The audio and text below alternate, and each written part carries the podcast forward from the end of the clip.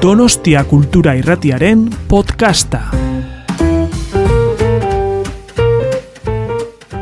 Kaixo Arratsaldeon, ongi etorri literaktun topaketa e, hauetara eta gaur izango ditugu hemen Txani eta Naiat. Naiat eta Txani eta nik espero dut e, gaurko saioa ba hori, denon gustokoa izatea eta horregatik ere antolatu izan dugu.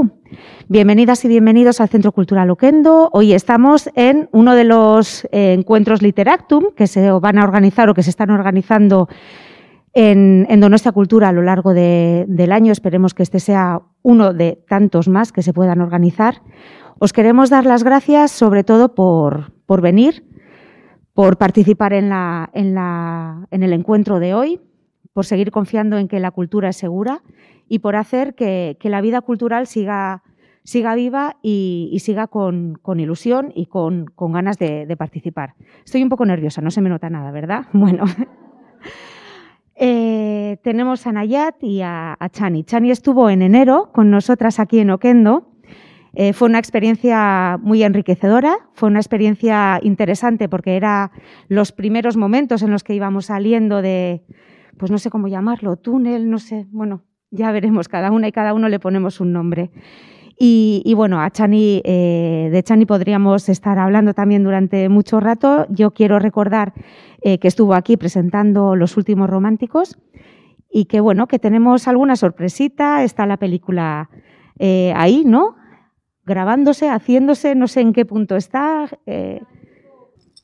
Y, y, bueno, y luego tenemos aquí a Chani, que no la voy a, o sea, a Nayat, que no la voy a presentar, la va a presentar ella. Eh, he tenido el lujo de estar, de compartir unos ratitos entre ayer y hoy con, con ella. Me guardo muy, muy, muchas sensaciones, muy buenas sensaciones.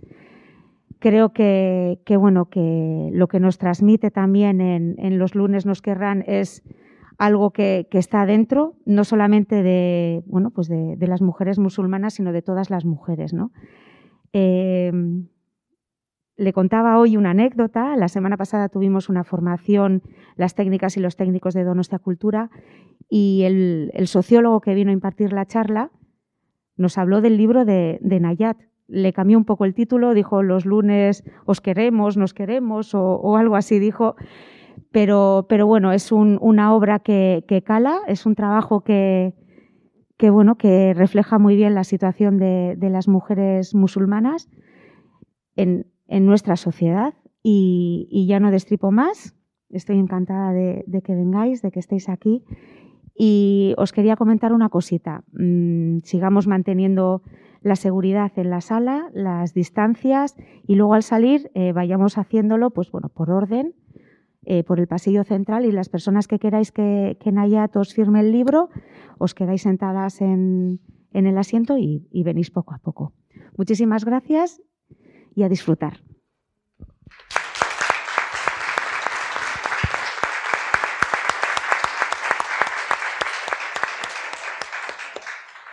Bueno, ba, arratsaldeon, e, mila esker Jolanda, eta egia da, egon nintzen hemen urtarrilan eta izan zen placer bat, Yolanda y bueno, el resto del equipo es siempre gente súper amable y muy, muy atenta con las, con, lo, con las escritoras que, y escritores que venimos así de fuera, aunque yo venga solo de Yodio, pero bueno, siempre se agradece así eh, esta recepción ¿no? tan, tan de verdad. Eh, es una alegría ver esto lleno. Es que yo no me acostumbro todavía después de esta travesía en el desierto, ¿no? Eh, y de no poder encontrarnos con gente y que todo fuese siempre tan dificultoso, pues parece que, aunque estemos con las mascarillas, bueno, ahora Nayat y yo no, pero todo el rato parece que se respira ya mejor, porque se vuelve a ver este ambiente, ¿no?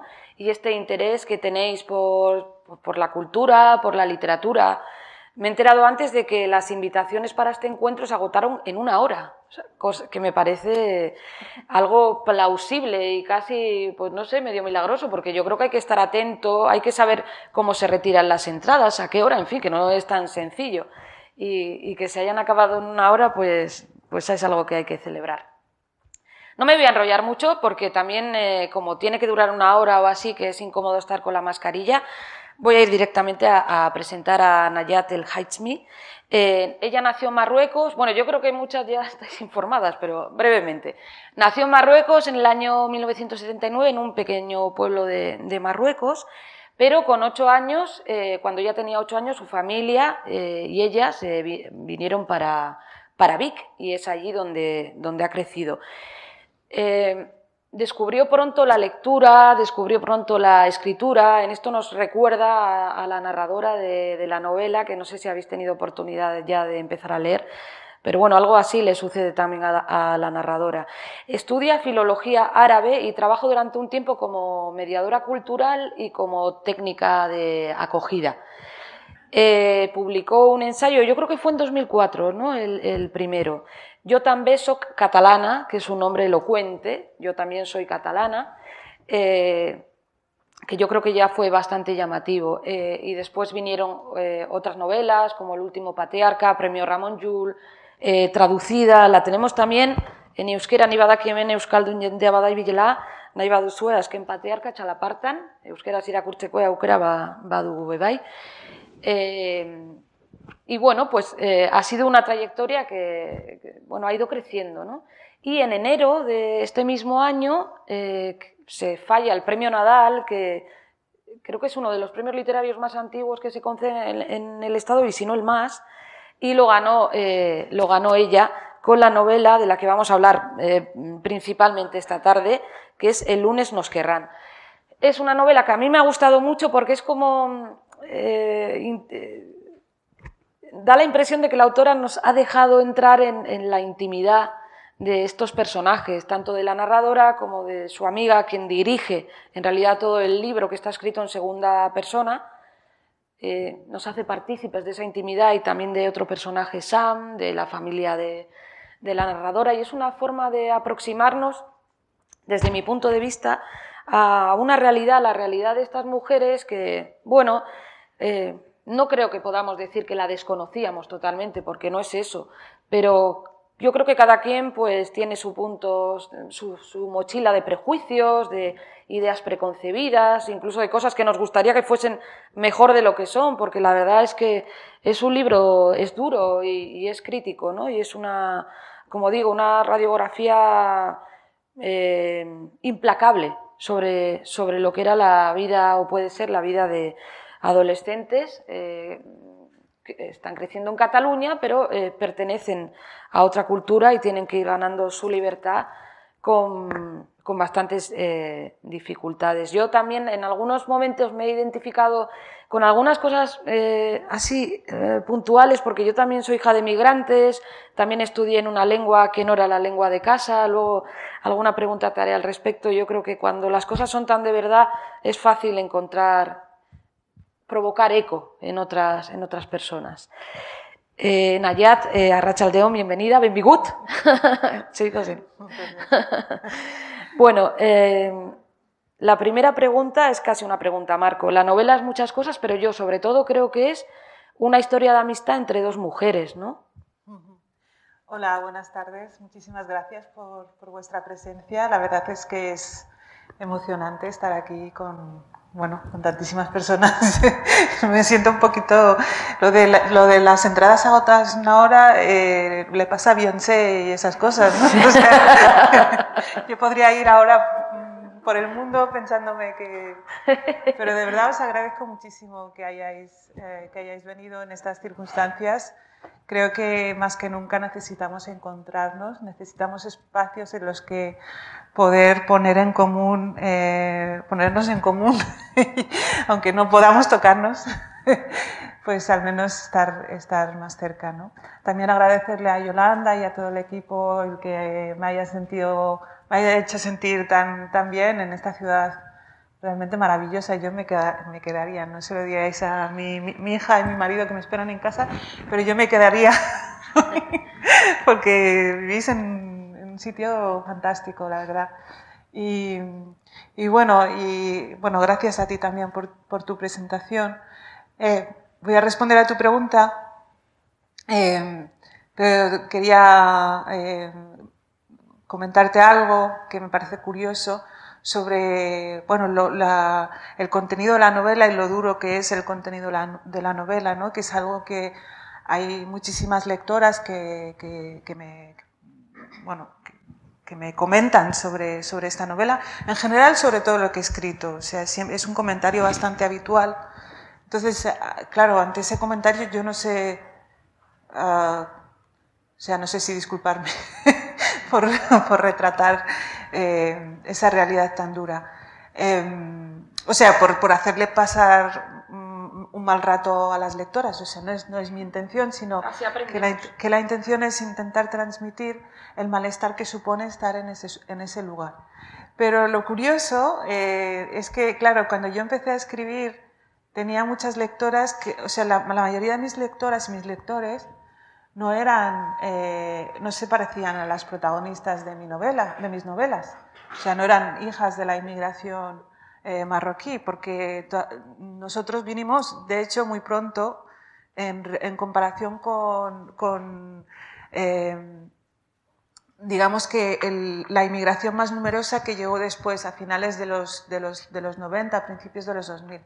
Entonces, durante mucho tiempo yo me he sentido como muy, muy sola en realidad, porque no sabía si había otras chicas viviendo lo mismo que yo, sí que algunas eh, que conocíamos del barrio y así, pero era como una sensación de decir, bueno, yo estoy escribiendo sobre esto, que es el contexto que me ha tocado vivir, pero no sé si algún día me va a leer alguien que también pertenezca a este contexto.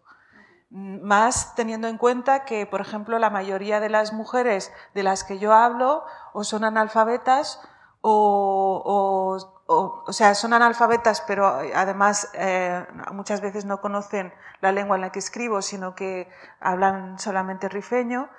Y entonces había, ha habido siempre esa, ¿no? esa separación entre... Eh, o sea, escribía, escribía sobre unos personajes que daba por sentado que no me iban a leer. Bueno, los personajes no te leen normalmente. Si, si, te, leen, si te leen, mm, igual tienes que pedir ayuda profesional.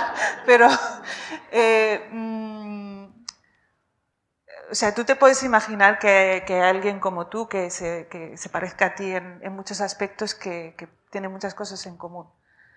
Eh, hablo de las circunstancias, ¿eh? porque yo, yo estoy convencida de que en el fondo, en el fondo, no somos tan distintos.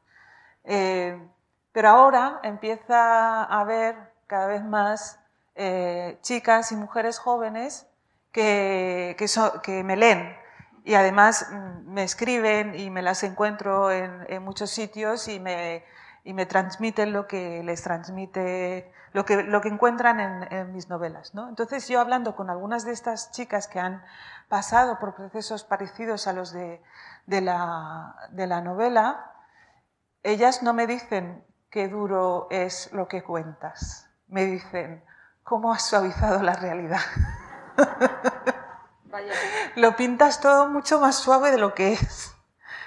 Eh, mm, a ver, que eso no, significa que no sea duro lo que cuento, pero quiero decir que la perspectiva cambia dependiendo de cómo, porque realmente estamos en un proceso eh, bueno, de, tener que romper con, con muchas, eh, con muchas cosas a la vez y tener que afrontar muchas cosas a la vez. Entonces, bueno, es, es, es, lo que es. Yo creo que a lo largo de la historia, si, si, vamos a observar la historia de las mujeres, de lo que han vivido las mujeres, ha habido momentos muy duros, dependiendo de la clase social a la que se pertenezca y dependiendo del momento histórico, las mujeres han estado en situaciones muy, muy duras. ¿no?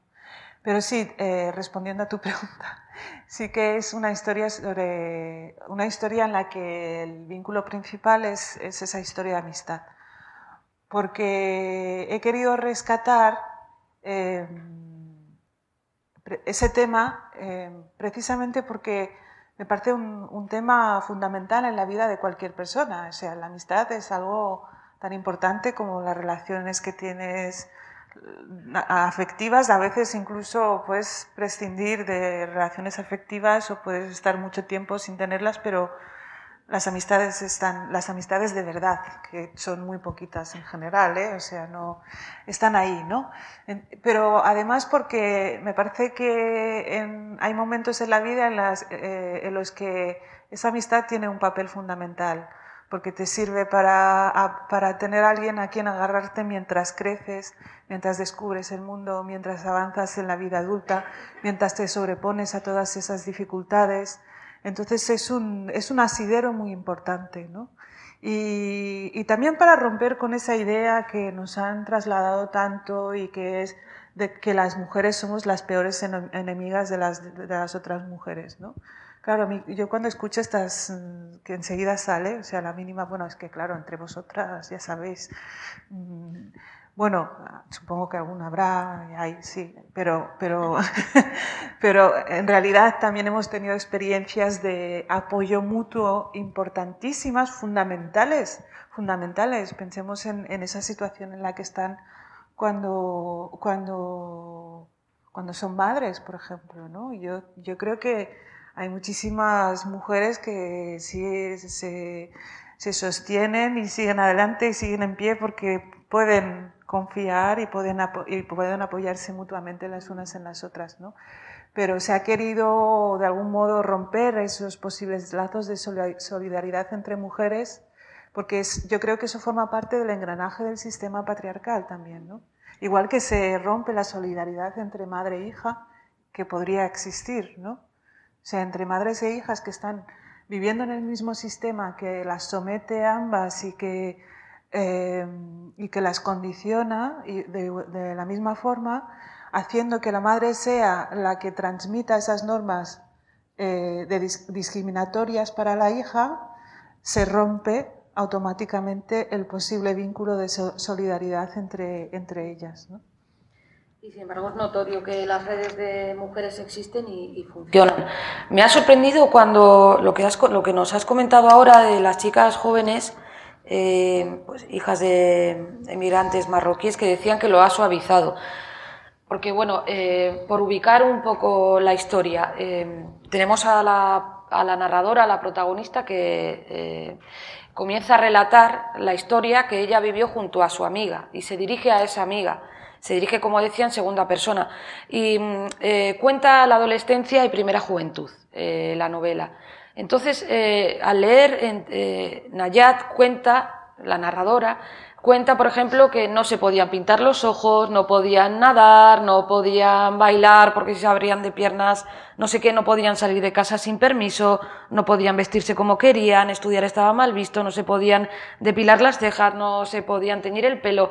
No, era un no, es que es súper opresivo el barrio. Eso, además, sumado a un, como un sistema de vigilancia organizado, espontáneo, de absoluto control sobre, sobre las mujeres, viendo además cómo sus hermanos sí podían salir y podían hacer, quizá no todo tampoco, pero desde luego más que las, que las mujeres.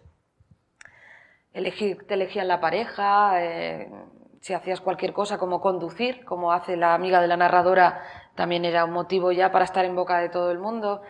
En fin, esto es bastante duro. O sea, que lo que me he quedado pensando es, pues, ¿qué, es lo que. O sea, si está eh, edulcorado, no quiero pensar cómo sería. Claro, porque estamos hablando de chicas que a lo mejor han. O sea, en estas situaciones han sufrido un grado de violencia más mayor, o sea, que han, sufrido palizas, que han tenido que irse... tú también cuentas violencia. Sí. O, o, que han tenido que irse corriendo de su casa con lo puesto, ¿no? Había una chica que me contaba cómo para irse iba, eh, iba cogiendo ropa y la iba dejando en casa de una amiga, poco a poco, ¿no? Y em, mucha soledad, o sea, es que la soledad que hay aquí, que, la viven ¿no? las dos protagonistas, claro, es porque ten en cuenta también que el, el o sea, el, tema de la inmigración condiciona eh, la situación también, ¿no? O sea, la inmigración, ellas no son las inmigrantes, sino que son sus padres. Pero eso hace que estén eh, solas en esta sociedad, porque fuera de ese barrio tampoco es que les espere un mundo fantástico, maravilloso, ¿no? Entonces, mm, tener que sobreponerte a, primero, tener que, luchar contra todas esas restricciones y contra todas esas Claro, yo cuando leía en su momento eh, el cuento de la criada, pensaba, ¿y esto es una distopía? ¿Esto es distopía? no, porque además tenemos regímenes como el de, Ara- de Irán, en el que realmente mm, eh, esto que aquí es, ah, digamos, forma parte de los de, la- de las actitudes y los valores de las personas que viven en este barrio, o sea, no es ley, en Irán es ley. O en Irán no, te- no puedes ir al colegio con, con las uñas pintadas, no puedes, eh, si muestras un poco de pelo, pues te, te pueden amonestar, etcétera, ¿no? Entonces, ellas tienen que luchar contra esa, ese no, no poder hacer tantísimas cosas, porque al final es que la, cu- cuando hablamos de libertad, eh, suena como a un concepto abstracto, muy metafísico, muy elevado, muy filosófico. Pero la libertad no se concreta, o sea, se, se acaba concretando en elementos muy eh, particulares del día a día, de la vida cotidiana. Y cuando a alguien le arrebatas la libertad, mm, mm, no, no hace falta que lo encierres en una habitación, necesariamente. Puedes arrebatarle la libertad impidiéndole hacer cosas a través de esa educación restrictiva y a través de esas normas eh, y además con una educación ah, que, eh, que, bueno, que, que transmites tanto hasta el punto de que las personas acaban interiorizando esas normas y por lo tanto interior- interiorizando y asumiendo y consintiendo su propia eh, sumisión, o sea, su, su propio sometimiento, perdón. Es que la palabra sumisión no me gusta. Eh, mm, Entonces, eh, ahí hay un sistema muy complejo en realidad, ¿no? Eh, mm, Aquí, claro, se traslada a un barrio, pero viene de lejos, o sea, es, algo que viene de, cómo vivían las madres. En realidad, las madres, eh, para las madres, la vida que tienen las hijas es mucho más fácil y, con mucha más, eh, más posibilidades de movimiento que, la- la- que- que las vidas que tuvieron ellas. Porque la madre de la narradora, por ejemplo, no, casi no sale de casa, ¿no? Eh, Ya, y es Y- maltratada y... claro, una- pero es que venimos, o sea, de- el- el- digamos que el- la raíz, el origen remoto de todo esto, que no, que no hace tanto tiempo que empezó a cambiar, es la cultura del encierro de mujeres. Es decir, las mujeres tienen que ser encerradas en sus casas, tienen que ser eh, o- ocultadas a la mirada masculina, porque en, el, en el espacio exterior tiene que, el hombre tiene que eh, mm, a moverse con toda la libertad y ese moverse con toda la libertad supone que, la, que, puede expresar eh, su atracción, su deseo, etcétera, a- a- respecto a otras mujeres y esas mujeres que son de otros y que no son para él, mm, o sea, no es él el que tiene que eh, controlar su comportamiento y por lo tanto no acosar o no mirar o no mm, etcétera, ¿no? O violar, sino que son las mujeres, o sea, la base de esta cultura del encierro es que son las mujeres las que se tienen que encargar de protegerse de- del deseo masculino. Ya. Y, se- venimos, o sea, venimos de esa, de esa, de esa raíz.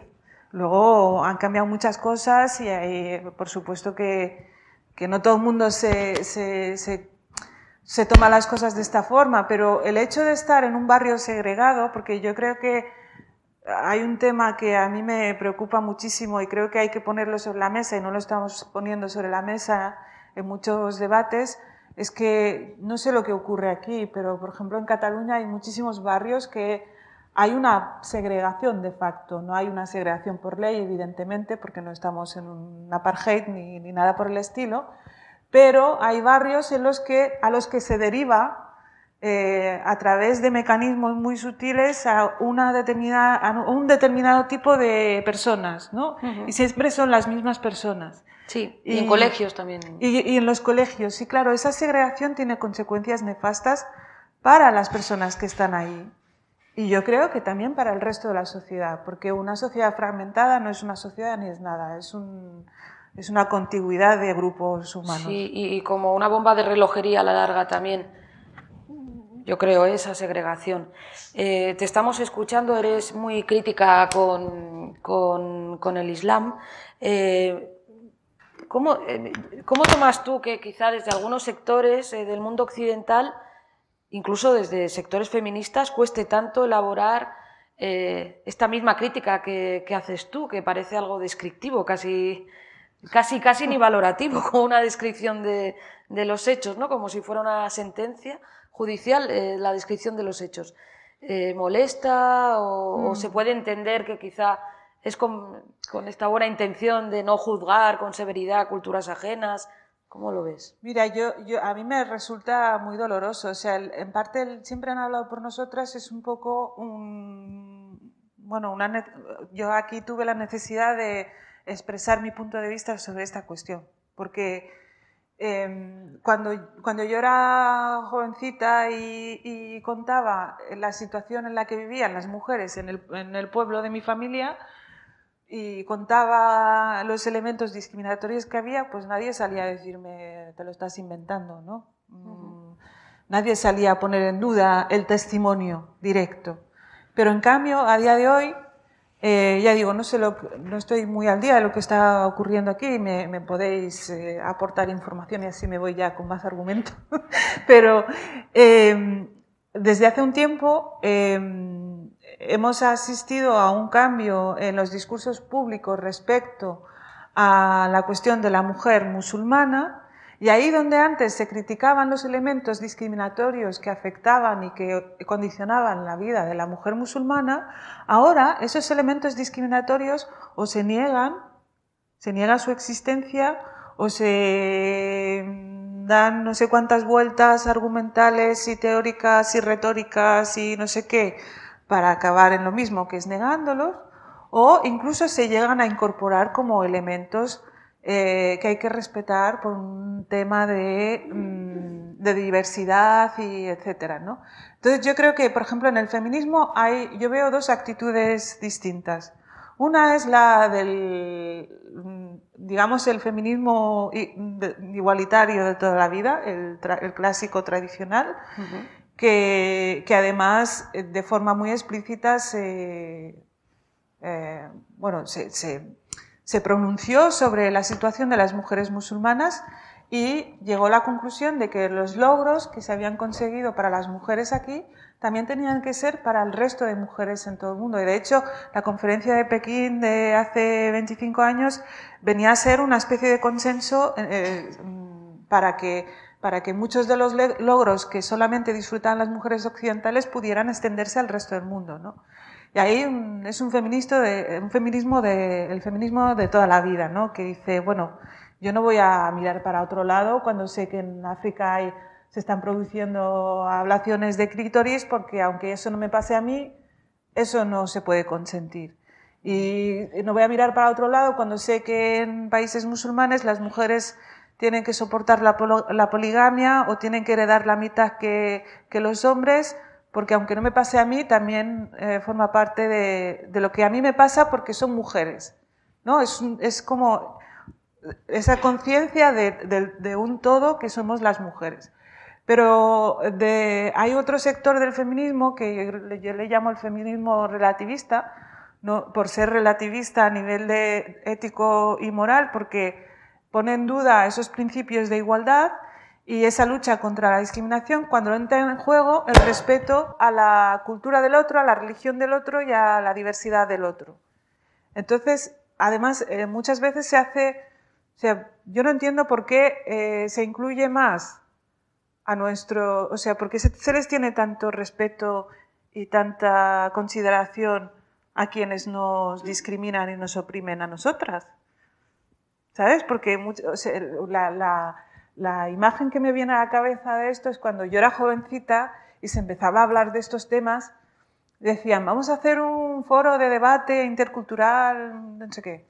Vamos a invitar a miembros de la comunidad musulmana. Primero, no existía comunidad musulmana, se la inventaron los políticos porque se la inventaron, o sea, no existía. La gente no se, la gente no se unía y se organizaba en base a su religión o sea, yo no me sentía parte de una comunidad musulmana porque yo era de mi familia, de mi barrio, del pueblo en el que nací y ese pueblo no tenía nada que ver con el pueblo del que tenía al lado, que era del otro, de, la, de otra zona de Marruecos que yo no conocía de nada. ¿Y el barrio tampoco funcionaba como Había comunidad? una, o sea, la comunidad era, eh, digamos que el- la asociación para la mezquita o cosas así, pero era una asociación para, para cosas operativas de, de- de los ritos y esas cosas, pero no, no, tenía una intención política. En cambio, desde la política se le quiso dar un valor político porque en el momento en que tú decides que existe una comunidad aparte dentro de un grupo, de una sociedad, y además buscas un representante de esa comunidad, le das voz y le das poder, ahí le estás, eh, o sea, estás considerando políticamente el elemento religioso de estas personas, algo que no haces con, nadie- con ningún otro ciudadano. Y por eso a mí me parece una deriva eh, racista directamente. Entonces, cuando yo era jovencita hacían estas cosas, empezaban a hacer estas cosas, vamos a llamar al líder de la comunidad. ¿A quién llamaban? Al imam de la mezquita. Nosotras no queríamos saber absolutamente nada de los imames porque eran como el enemigo, nos queríamos ir lo más lejos posible, pero los ayuntamientos los invitaban y les estaban dando un poder, pero claro, no eran, no eran ayuntamientos feministas precisamente. Eh, lo que ya era más grave era que mujeres, o lo que es más grave a día de hoy, es que mujeres feministas eh, estén negando el machismo que contiene el Islam, porque el machismo, o sea, el, el Islam es machista. Esto mm, es así y, y punto, porque estoy harta de discutir el tema, de verdad. o sea, que me vienen las niñas jovencitas a decir que es que en la época de Mahoma, como hubo una guerra, pues tuvieron que casarse con más mujeres porque no había hombres. Bueno, pero estamos en el siglo XXI. O sea, ¿tú, tú crees que está bien que se casen con cuatro mujeres? No, sí o no. O sea, no. Eh, y, y- y- donde pone que Dios ha establecido que los hombres son superiores a las mujeres y que si no te obedecen las pegues, pues es que hay, o sea, más machismo no puede, más, o sea, machismo más explícito no puede ser. Mm. Entonces, partimos de que es, de que es machista. Entonces, ¿por qué, por qué no, no se quiere ver eso? ¿no? ¿Y por qué se mira para otro lado? Y además, ¿por qué se nos traiciona? Porque yo tengo una sensación como de traición, de decir, bueno, yo pensaba que estábamos en el mismo barco, ¿no? que estábamos luchando por, eh, contra la discriminación de todas las mujeres, todas las mujeres. Y estas mujeres que están en los barrios, que, están, que son hijas de la inmigración, son, somos nosotras. O sea, no forman parte de otra cosa distinta, forman parte de nosotras. Lo hablamos antes en, antes en la previa, ¿no? Cuando ahora que hay como discursos de estos de que también son es que de verdad los dos son de una pesadez tremenda, pero los discursos de estos de anti-inmigración, eh, de las formaciones estas, bueno, da igual. ¿Te, Eh, refieres, te refieres a formaciones políticas? Formaciones- o- formaciones o hablábamos políticas de- eh, que rechazan el inmigrante por el simple hecho de ser inmigrante, pero luego otros discursos que a lo Más mejor- sutiles, ¿no? más Hablábamos de sutiles. otros discursos más Sí, sutiles, o sea, cuando que vienen dices- por otros frentes. No, comentábamos el hecho de que hay, hay, o sea, yo me encontré con un artículo hace poco que decía, bueno, es que tenemos un problema demográfico porque las únicas que tienen hijos son las mujeres inmigrantes. Dices, perdona, encima que venimos a tener hijos, o sea, estos hijos, que, de, ¿de dónde son? Ya han nacido. ¿Qué aquí. son? ¿De Marte? O sea, si nacen aquí, son de aquí. Ah, ¿Cuántas generaciones tienen que pasar? Que es que de repente es la sangre lo que cuenta y no el, eh, y no el hecho de ser ciudadano. Y tú cuando, o sea, el hecho de nacer en España te, te da el derecho a ser español. No es, esto es el ordenamiento jurídico actual. Entonces, ¿cómo que, son, ¿cómo que no va a haber población porque solo tienen hijas, hijos las inmigrantes? Las- Los hijos de las inmigrantes son, eh, son, eh, son natalidad de aquí, no son natalidad de otro país. Hombre, han nacido aquí, es que Ya, parece pero es que ¿no? fíjate que, nos, que, que continuamente te están, eh, Sí, te, este- te- te- esta te están expulsando, te están expulsando, ¿no? Mm. Entonces, claro, esas niñas, hijas de, esas, de esa inmigración, y estas, y estas protagonistas, hijas de la inmigración, son nosotras. Son, son nosotras, somos nosotras, estamos en lo mismo. Solo que las circunstancias en las que estamos viviendo son distintas, pero es que las circunstancias en las que viven vivimos las mujeres también pueden ser distintas por, por, otros factores. No es lo mismo nacer en, en una familia pobre que nacer en una familia rica.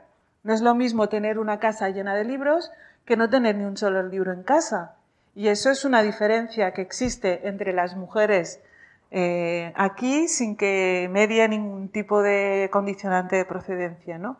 Entonces, bueno, eh, mm, yo creo que el primer paso es eh, darte cuenta de que realmente estás hablando de, que no estás hablando de la realidad que está ocurriendo no sé dónde.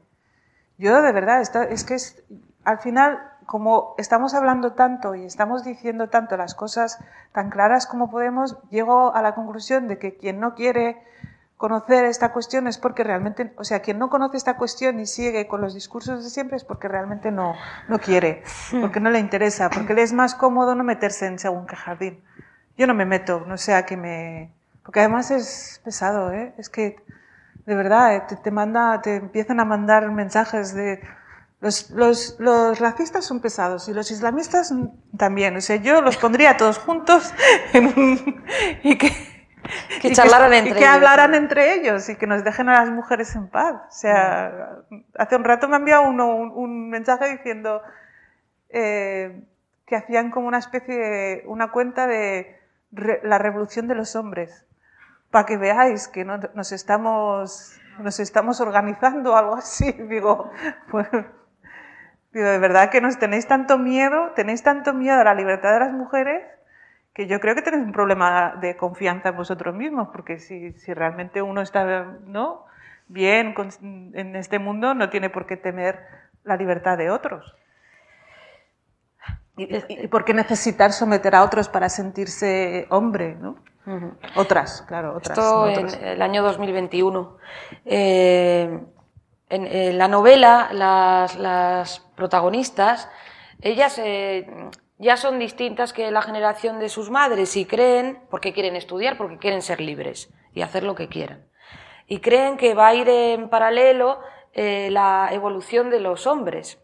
Y entonces confían en, en los hombres de su generación, pero esa evolución no se da en paralelo, no en la novela. Pero entiendo que esto tiene una vocación no, creo que sean estos dos personajes solo que los has puesto ahí como... Es que eran un poco eh, chapados a la antigua o mentirosos, ¿no? Sino que imagino que es un dato o son unos personajes elocuentes también. Bueno, yo llevo mucho tiempo reflexionando sobre estos temas, entonces tengo ya una perspectiva que me da la edad, ya puedo presumir de edad, y puedo ver un poco cómo han evolucionado las cosas, ¿no?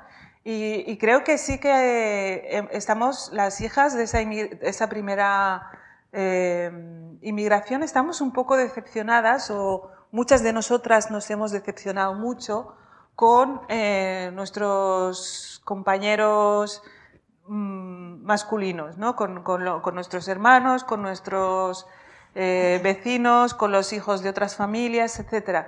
¿Por qué? Porque en un primer momento parecía que sí, que todos íbamos a un cambio social, que, mm, que, íbamos a relacionarnos de una forma distinta de cómo se habían relacionado nuestros padres. Es que yo creo que los chicos también querían otro modelo.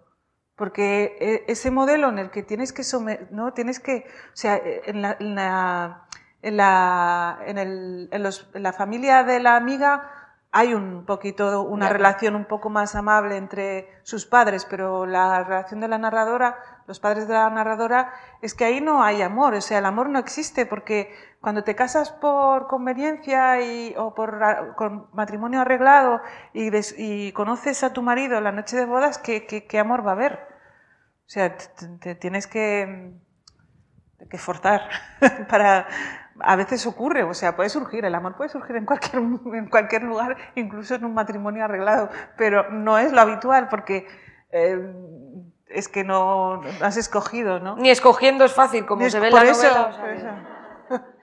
Y entonces, eh, sí, ese es un argumento que utilizan mucho para cuando, esco cuando escoges y, y fracasas, te dicen, pues, el modelo anterior igual no está tan mal, que al menos, mira, Qué fácil. Sí, todo es. Entonces, eh, claro, em, te digo, eh, para ellos también, yo creo que ellos también abrieron un poco esa puerta al cambio, pero se asustaron o no sé qué les pasó. Y, ante la duda volvieron para atrás, muchos de ellos, no todos, ¿eh? pero muchos de ellos volvieron para atrás a un modelo más, mm, más de control, más... Pero esto lo vemos a día de hoy, o sea, lo vemos, vemos muchísimos hombres que ya han sido educados en, en democracia, que llevan dos generaciones o tres eh, ¿no? con la influencia de los valores de igualdad, con una formación eh, distinta, etcétera, supuestamente. Y en apariencia eh, hay una, existe esa igualdad en la, pareja y luego descubres eso, los cómo, cuando se activan los mecanismos de intentar controlar a la pareja, ¿no? O, o, incluso cuando se llega... Eso es una reacción, o sea, cuando el, el, fenómeno de la violencia machista en estos momentos, yo creo que en muchos casos es una reacción contra precisamente esa liberación de las mujeres. Eh, y son los, los que anhelan eh, el orden anterior de, las, de cómo estaba todo organizado antes. ¿no? Pero aquí, yo creo que se, o sea, aquí y, en, y, y les ha pasado a muchas mujeres en estas circunstancias, han, bueno, han sentido esa decepción con, con, con, respecto a los hombres porque, porque se... No sé, yo tengo la sensación como que se, acobardaron en, en, un momento dado. Porque querían, o sea, a lo mejor ellos por sí mismos podían aceptar el nuevo, las nuevas reglas del nuevo juego, pero luego tenían, eh, por ejemplo, el peso del control social, ¿no? Cómo se les juzgaba, porque hay un momento en el que eh, se ve ese cambio, ¿no? O sea, cuando se casan eh, son supermodernos, etcétera, pero luego empiezan las habladurías en el barrio y a, decir, a decirles a los hombres, mm, tú no controlas a tu mujer, ¿cómo, qué, haces tu, ¿qué hace tu mujer vistiendo así? ¿Qué hace tu mujer ah, yendo a, a trabajar mm, de noche, etcétera? Entonces eso, claro, hay que ser hay que estar muy seguro de uno mismo para, para seguir, o sea, hay que estar muy seguro de, de, ese camino hacia la igualdad para seguir defendiéndolo eh, en contra de un contexto social que eh, te está presionando para que renuncies a él, ¿no? En el caso de las mujeres, a lo mejor lo tenemos muy claro porque sabemos las, las consecuencias que tiene eh, consentir el someternos a esas normas porque nos va en contra y hay muchas cosas que no vamos a poder hacer, pero a lo mejor ellos no lo ven tan claro. Y además también hay una cuestión de poder, o sea, renunciar al poder que supone el, patriarcado clásico, mm, pues hay hombres que no quieren porque es un poder que tienen sobre, sobre las mujeres. Claro, también les, les, resulta cómodo, me imagino, a muchos de, de ellos. Y en la novela, además, eh, aparte ya de, lo que suceda con, la gente más joven que parecía que, iba, que apuntaba a algún tipo de cambio, y luego como nos has explicado, pues finalmente no se dio, no en la medida que se esperaba, en la novela se apunta hacia un oscurantismo, porque la narradora dice, eh, y sucedía tal y eso que aún no había llegado el oscurantismo, o sea, que mm. encima mm, vamos hacia atrás. La comunidad musulmana y, y, bueno, y también en toda Europa se están dando movimientos reaccionarios eh, muy identificables y que está claro ¿no? que es una involución en cuanto a los derechos de las mujeres en concreto y a, bueno, xenofobia, todo esto que se mm. está agitando.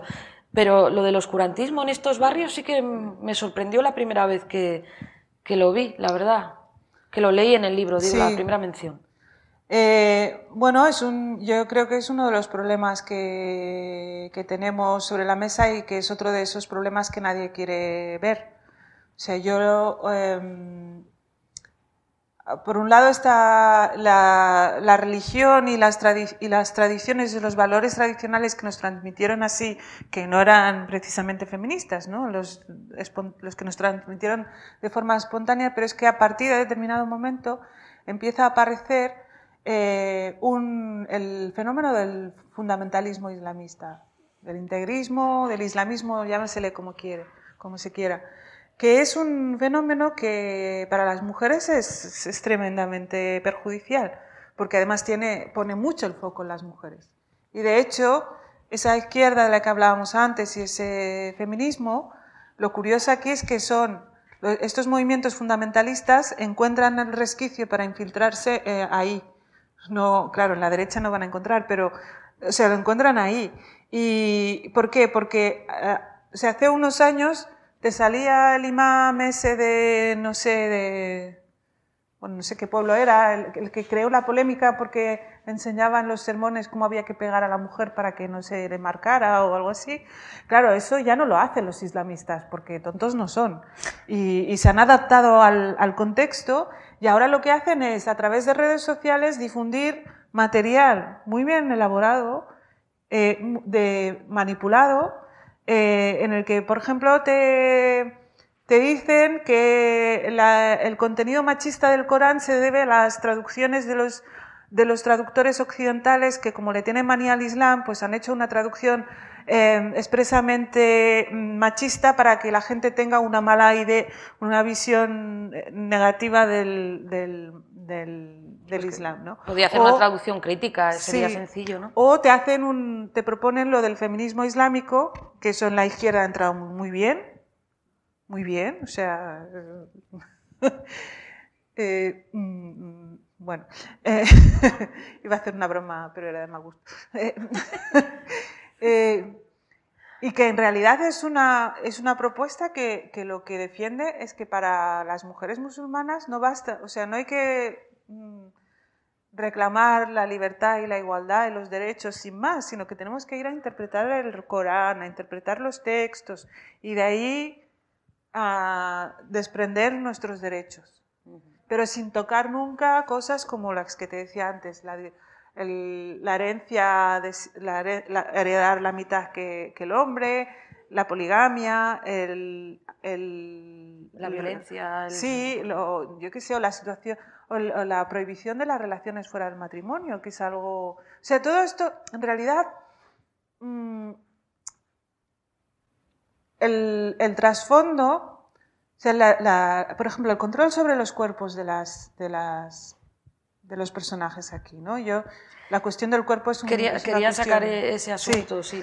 O sea, el, control tiene que ver con las normas sobre la sexualidad de las mujeres. Yo venía en el tren viendo una película que os recomiendo muchísimo que se llama Adam, que es sobre eh, una madre soltera en, Marruecos, porque Marruecos está prohibido tener relaciones fuera del matrimonio.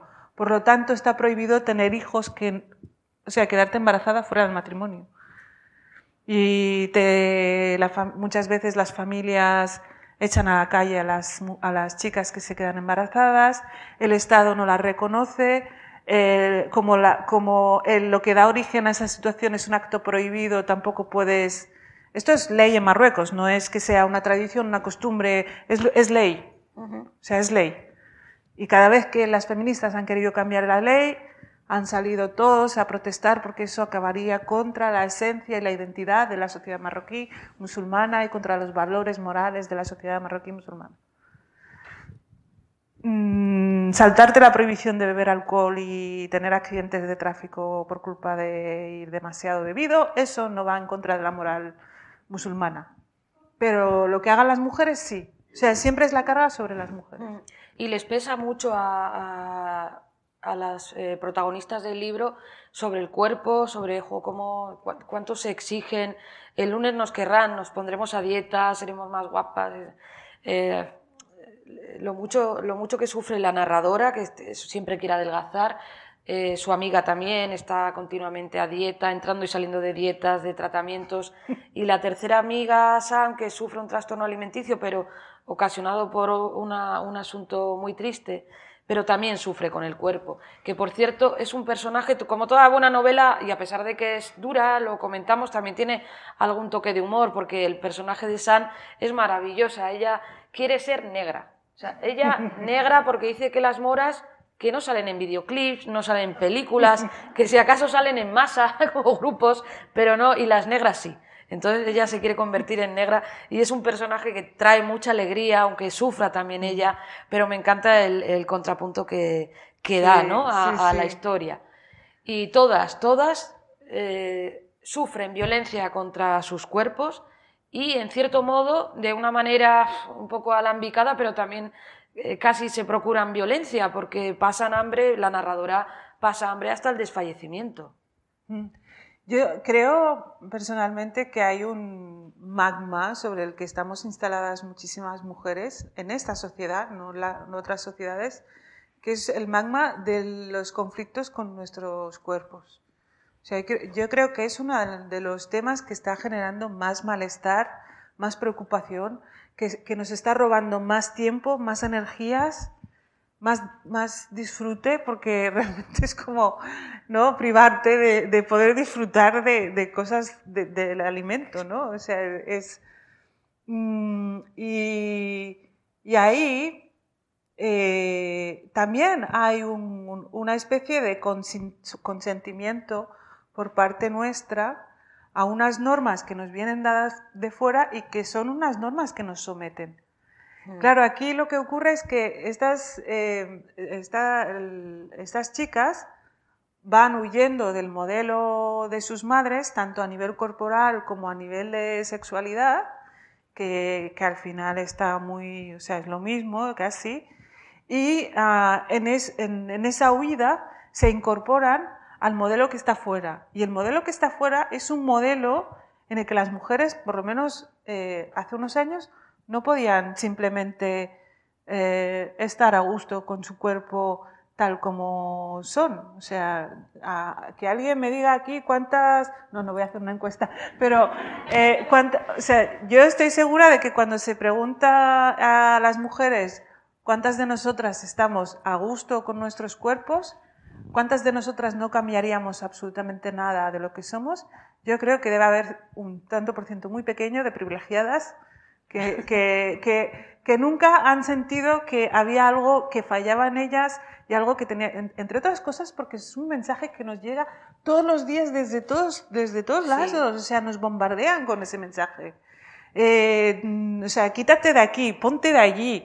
Eh, no sé, es como. tienes que encajar dentro de un molde.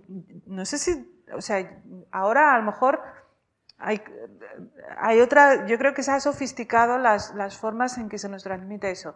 Pero hubo un tiempo, por ejemplo, esto está situado a finales de los 90, que era además la época de las supermodelos, y lo del 90, 60, 90, y, el, el ¿no? y la cinta métrica, y el adelgazar, y el tener que encajar, y además con unas, unas tallas... Eh, es que es un... O sea, el no es cualquier cosa todo esto, no es, no es simple estética, que a veces se nos, lo, ¿no? se enfoca desde lo estético y no es, no es estético, es, es, un, es un problema sexual y es un mm. problema con el deseo, porque ¿qué pasa? Que es un cuerpo que no te pertenece, es un cuerpo que pertenece a todo el mundo menos a ti. En este caso, primero, pertenece al, al barrio, a la familia y a los dictados de la religión y luego cuando salen de ahí pertenece a los diseñadores de moda, a las... A las a, ¿no? y a, y a al que, no y a, y a todas las, las los parámetros los parámetros porque realmente son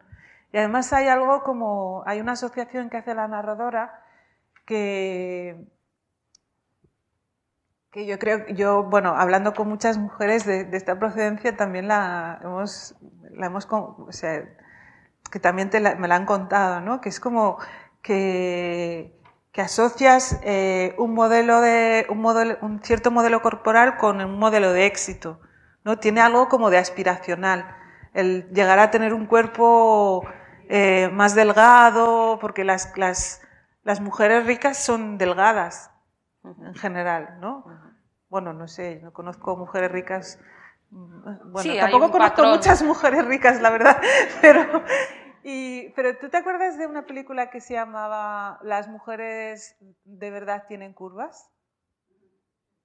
¿Una colombiana? Una mexicana. Mexicana, sí, sí. Que era, Una, era, estaba, era una, una madre y una hija en, en, Los Ángeles, que la madre tenía un taller de costura y la hija estaba, que era América Ferrara, que estaba rellenita. Entonces, eh, hay una escena en la que ella va a hablar con la responsable de la empresa que les encarga las, la, confección. Y, es increíble esa imagen porque está América Ferrara con, con sus curvas y está la ejecutiva súper estilizada, además con colores no súper neutros. La típica con el pelo liso, evidentemente, porque si no tienes el pelo, el pelo liso no tienes éxito, no triunfas en, esta vida. ¿Sabes? Es como que... más que un máster. Sí, y además, eh, frente al racismo, también es como una forma de intentar adaptarte, intentar disimular tu procedencia. Es decir, alisarte el pelo, tener menos curvas, porque es que nosotros, yo, mm, ahí, o sea, la gente somos distinta dependiendo de, la zona de la que procedemos. Yo tengo estas manos porque nací en el RIF, donde y estas son pequeñas en comparación con las de mis, de mis tías, pero ahí trabajan en el, en el campo, han trabajado generaciones mm, siempre en el, en el campo, entonces son manos para trabajar en el campo. Y y, tú ves a las mujeres rifeñas y son, son todas muy grandes y, claro, eso mm, es, es, lo que es, ¿no? Pero cuando mm, tú intentas disimular tu procedencia, pues intentas que no se note eso de que vienes del campo y de, y de trabajar la tierra y, ¿sabes? Igual que intentas disimular el, el olor o el, ¿no? Esa, esa sensación de que los otros te van a percibir como distinta y que ese percibirte como distinta va a tener consecuencias negativas sobre tus posibilidades, porque las tiene, porque cuando te perciben como, como de fuera, te niegan los trabajos, te niegan los alquileres, te mandan a limpiar y a cocinar, te mandan a hacer cosas que tú no, a lo mejor no tenías previsto hacer y, te dificulta mucho la vida. Entonces, o sea, es como una reacción hasta cierto punto lógica, ¿no? El intentar disimular Mm, tu, origen, o lo que comunica tu apariencia, ¿no? Bueno, llevo un rato ya agobiada porque es que he mirado antes el, teléfono que tengo la hora y he visto que eran menos cuarto, hace ya son las ocho. Y, estoy como agobiada porque yo quería hacer más preguntas. Yo, vaya, esto mete un ruido como me mueva. Eh, tengo que pasar eh, la palabra al público para, para que pregunte. Eh, mientras mientras pasa el micrófono y, te plantean la pregunta, Nayat, eh, brevemente, porque creo que para el cuarto habría que terminar, o, y diez. ¿Cómo has vivido, tengo que preguntarte, cómo has vivido eh, los acontecimientos de, Ceuta, ¿no? la llegada masiva de, migrantes, la actitud del rey de Marruecos, la actitud del gobierno de España, Vox, eh, todo esto que se está mezclando, la queja de los musulmanes, también en la propia Ceuta? ¿Cómo lo vives? Yo eh, cuando empecé a ver las eh, imágenes em, apagué todo, porque me quedé... Mm, apagué todo por, por, dos razones. Primero, las imágenes en sí mismas eran muy dolorosas y después el tratamiento mediático es vomitivo. Vomitivo. ¿Qué es lo que menos te gusta? Que se explote el dolor de los demás que se explote el sufrimiento de los demás, que se, que se muestren, que se muestre a niños muriéndose. Es como, o sea, estamos normalizando el que se pueda exponer públicamente y explotar mediáticamente el dolor de los demás. Y, y, después, para mí, esa imagen es, es la imagen de lo que es Marruecos y de lo que ha sido Marruecos durante décadas. Marruecos durante hace décadas que hace exactamente lo que hizo el otro día, solo que no se ve. O sea, nos arroja al mar, nos arroja al exterior, porque no hay un proyecto de país, porque eh, uno, el uno, de los proyectos principales es, que la gente migre y, bueno, y, se y recibe ah, una cantidad increíble de millones para ser frontera de Europa, pero no invierte ni en educación, ni en desarrollo, ni en sanidad, ni en, ni en, ni en pan para los, para los niños. ¿no?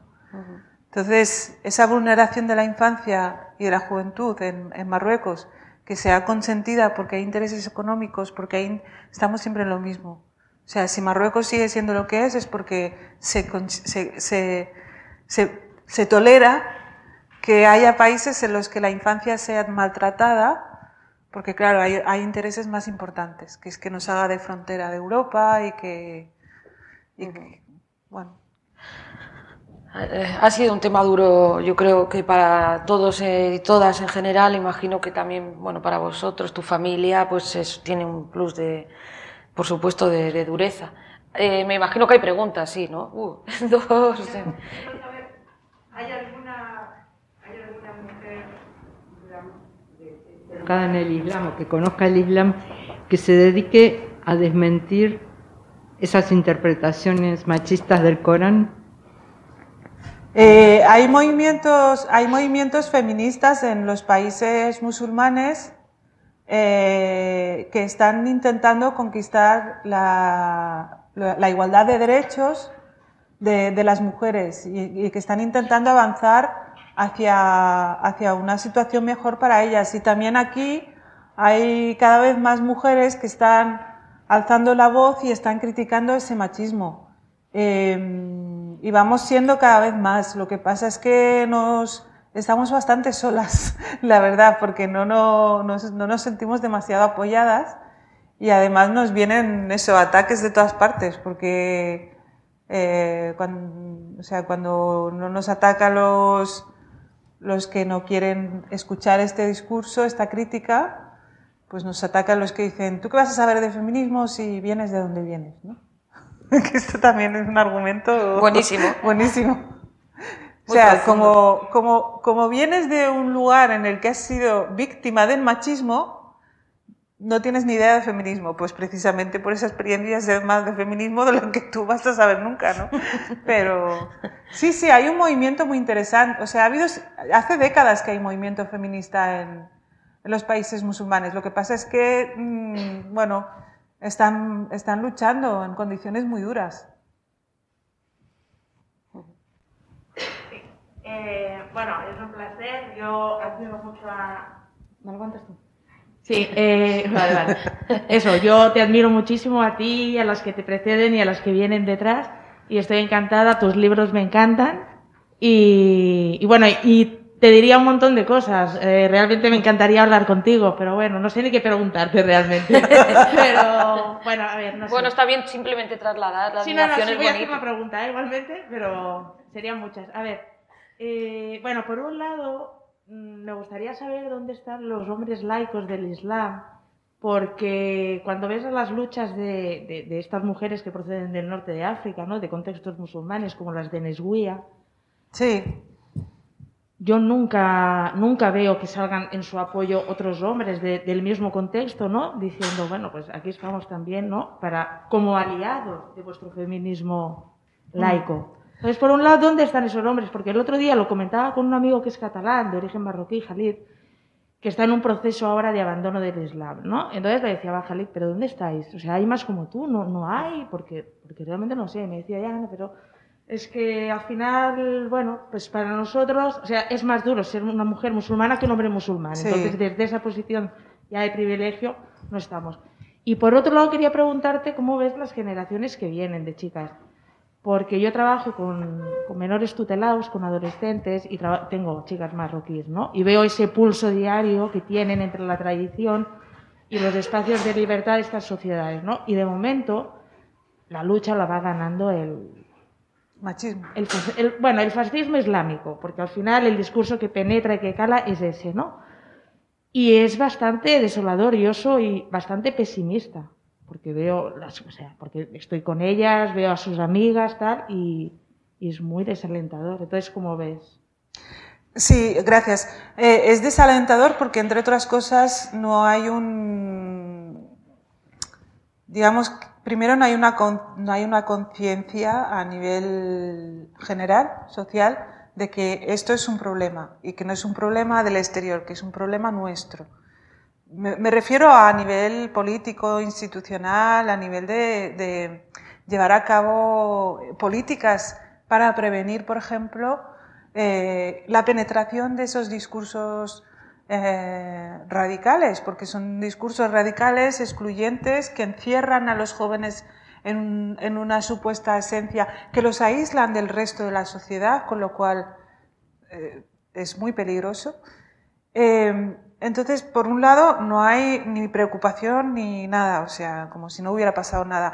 Eh, ni siquiera los atentados de las Ramblas, que podía haber sido, un punto en el que empezar a, preocuparnos por esto. Mm, en Cataluña se, adoptó la táctica del avestruz y ya eh, todo era que somos tierra de acogida, no había ningún problema, todos somos fantásticos, maravillosos, el Islam es paz y ya está. Y ahí cuatro consignas superficiales y se acabó el, tema.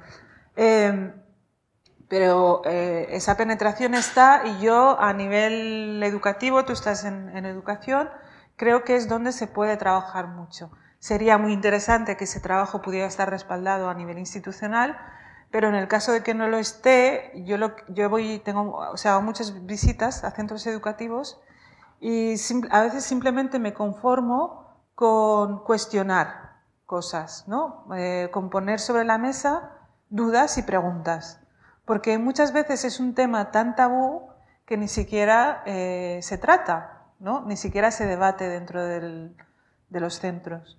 Eh, entonces, esto, yo he visto en muchos sitios donde ese, o sea, ese debate se puede, se puede llevar a cabo sin ningún tipo de problema. No, no, la gente, a pesar de que pueda tener unas ideas, mm, ¿no? Como muy, eh, bueno, muy en esa línea, eh, muchas veces se puede debatir. Yo he, podido debatir en, en, muchos centros, ahí alguno no, pero hemos podido debatir. Entonces, por ejemplo, yo fui hace poco a una escuela de adultos y un chico joven le, ponía sobre la mesa el hecho de que el acoso, por ejemplo, no es algo eh, aceptable. ¿no? El, digo, el que vosotros a las mujeres, a las chicas jóvenes, cuando van por la calle les digáis cosas le, o las sigáis, esto, esto no es normal. O sea, esto, este comportamiento no es normal y no es aceptable y nos hace sentir muy incómodas. ¿Sabes? O sea, es como, eh, mm, bueno, empezar a, analizar, eh, ¿no? Con un poco, con una visión crítica, algunos elementos que están muy incorporados, ¿no? Porque, eh, y a veces no vas a conseguir mucho, mucho pero a veces vas a, vas a poner la semillita de la duda y yo creo que eso, en eso consiste un poco la educación, ¿no? Es decir, cuando me encontré hace poco con un instituto en el que había muchas chicas muy fundamentalistas. Además fue muy divertido porque hice como un discurso contra el fundamentalismo larguísimo y cuando empezaron a hablar ellas era como que repetían todos los argumentos de los fundamentalistas. Pero todo es punto por punto. Además se enfadaron muchísimo, o sea, casi, casi me pega. Y yo les, les decía, es que no me interesa saber lo que piensa... Eh, lo que dice el Islam o lo que, la interpretación, o lo que te han dicho que tienes que interpretar, o lo que te, o sea, quiero que me digas tú si estás de acuerdo, si te parece bien, por ejemplo, que no puedas tener relaciones con un hombre a menos que estés casada con él. ¿Esto te parece bien o te parece mal? No, esto es haram, porque claro, si está prohibido por, por la religión, esto es haram. Digo, yo sé que es haram, pero te estoy preguntando si te parece bien que sea haram. O sea, vamos a, mm, analizar también la religión, a ver si es que es... Pero claro, dependiendo del grado de fanatismo, mm, de ahí no sales, porque se ya cortó la conversación y no... Pero en otros casos puede... O sea, ¿sabes? Puede despertar un poquito, pero va a ser un camino, un camino muy, largo. Yo creo que, que, tendría que ser una cuestión eh, de, de, gobierno, o sea, tendría que ser un tema de, de políticas, de, de, poder tratar estos temas y que, y que, y que haya personas que, que, puedan elaborar, mm, pero es que, bueno, a, los, a los educadores ya os pedimos cada vez más cosas, ¿no? Para... Es complicado lo de las políticas sitio, o sea, con una izquierda que ha claudicado ante el islamismo, porque ha claudicado. Bueno, ha claudicado y nos ha, nos ha integrado, o sea, para la izquierda es lo mismo un musulmán que un islamista. Para cierta izquierda, o sea, nos han fusionado con los islamistas. Yo digo, pues, pues, o sea, vosotros que sois todos del Opus, o sea, sois todos del Opus porque es, es, es lo mismo. La, dices cierta izquierda, la derecha también, claro, ¿no? Ah, la derecha no. La, das da por igual. perdida casi. o- No, que no se mete en este. O sea, no. Vale, vale. Ahí está la extrema derecha, que, tiene, que, que lo que hace es instrumentalizar toda esta cuestión de la discriminación de la mujer para justificar sus, sus postulados, pero que en realidad acaba ejerciendo también un, un redoble de machismo sobre las mujeres, porque claro, si tú, si, tú lo que, si tú lo que defiendes es que nos tenemos que ir todos de vuelta a Marruecos, eso también incluye a las mujeres. Y si tú quieres, estás defendiendo que se discrimina a las personas por su origen, pues nos, o sea, nos estás discriminando doblemente por mujeres y por, y por nuestro origen. Pero, bueno, yo creo que es un tema en el que, que cada cual en su ámbito, pues mm, puede actuar cada vez- cuando hay una oportunidad, ¿no? no siempre hay oportunidades, pero los chicos que que llegan jóvenes y que, y que acaban de, de aterrizar, precisamente son, son, o sea, ahí se puede, se puede educar, es que es, una, es un momento porque, está, porque se están formando, o sea, no, no está, es que yo creo que uno de los problemas que tenemos también es una, una cierta visión determinista, ¿no? y esencialista de que nosotros no podemos cambiar, no podemos educar, educarnos en igualdad porque claro, como venimos de donde venimos, dices, no, es que aquí antes tampoco había una visión igualitaria del mundo, o sea, esto es educación, no es un no va por la sangre.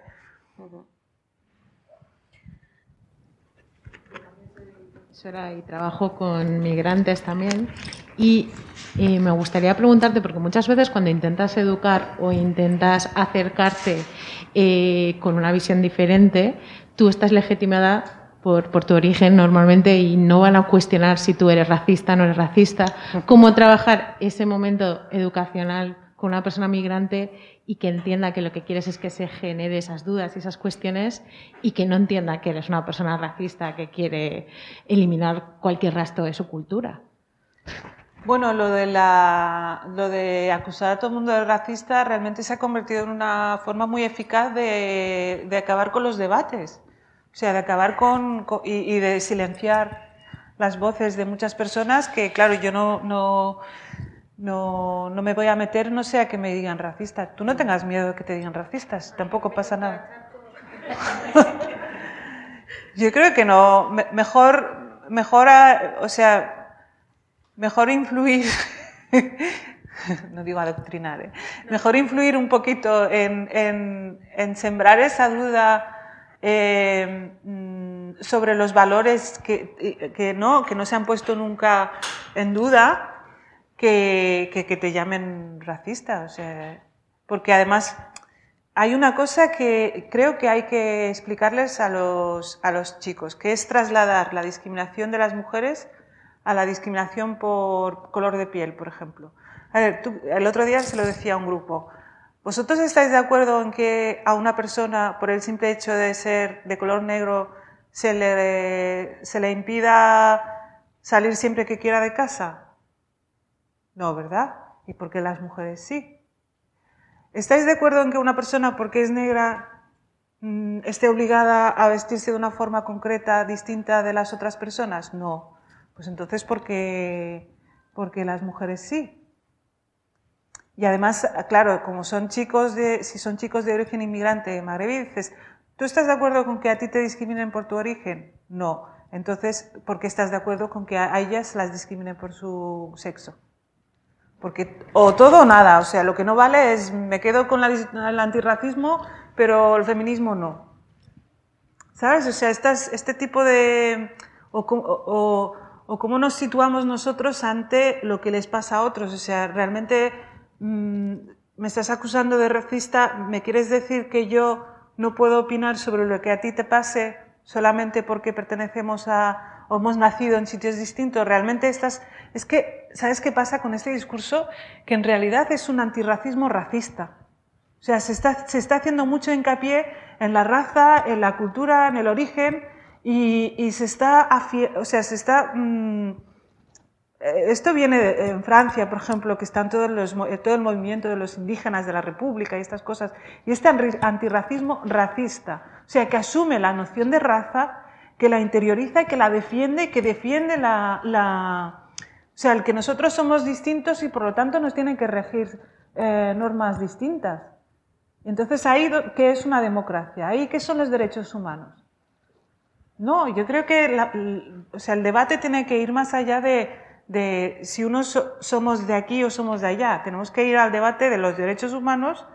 Si las personas somos todas iguales, entonces, ¿por qué me estás defendiendo que yo no puedo eh, ocuparme o preocuparme de lo que le pasa a una persona que no sea de mi misma procedencia? Entonces, ¿qué hago? Miro para otro lado con la ablación del clítoris, porque no es mi cultura tampoco. Es que no habría democracia desde, desde ese punto de vista. No habría derechos humanos. No existirían. Entonces, o aceptamos los derechos humanos o no los aceptamos.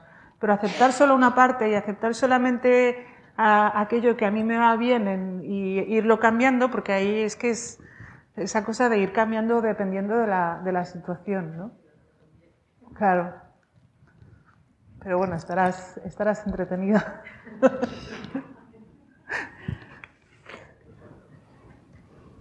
Bueno, pues yo creo que va siendo hora de, cerrar este debate. Se puede seguir dialogando con la autora porque siempre que leemos también dialogamos y nos responden preguntas, la, eh, narrativa y también nos plantea otras.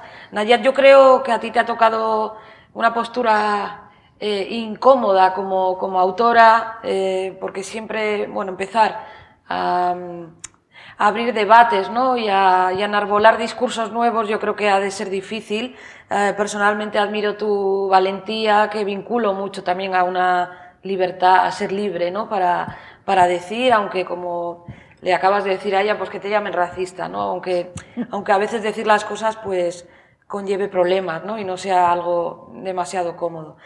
Gracias por eso y sobre todo gracias por haber estado aquí en este prólogo de, de Literactum eh, en Donostia, Millasker. Muchísimas gracias, un placer, de verdad, gracias.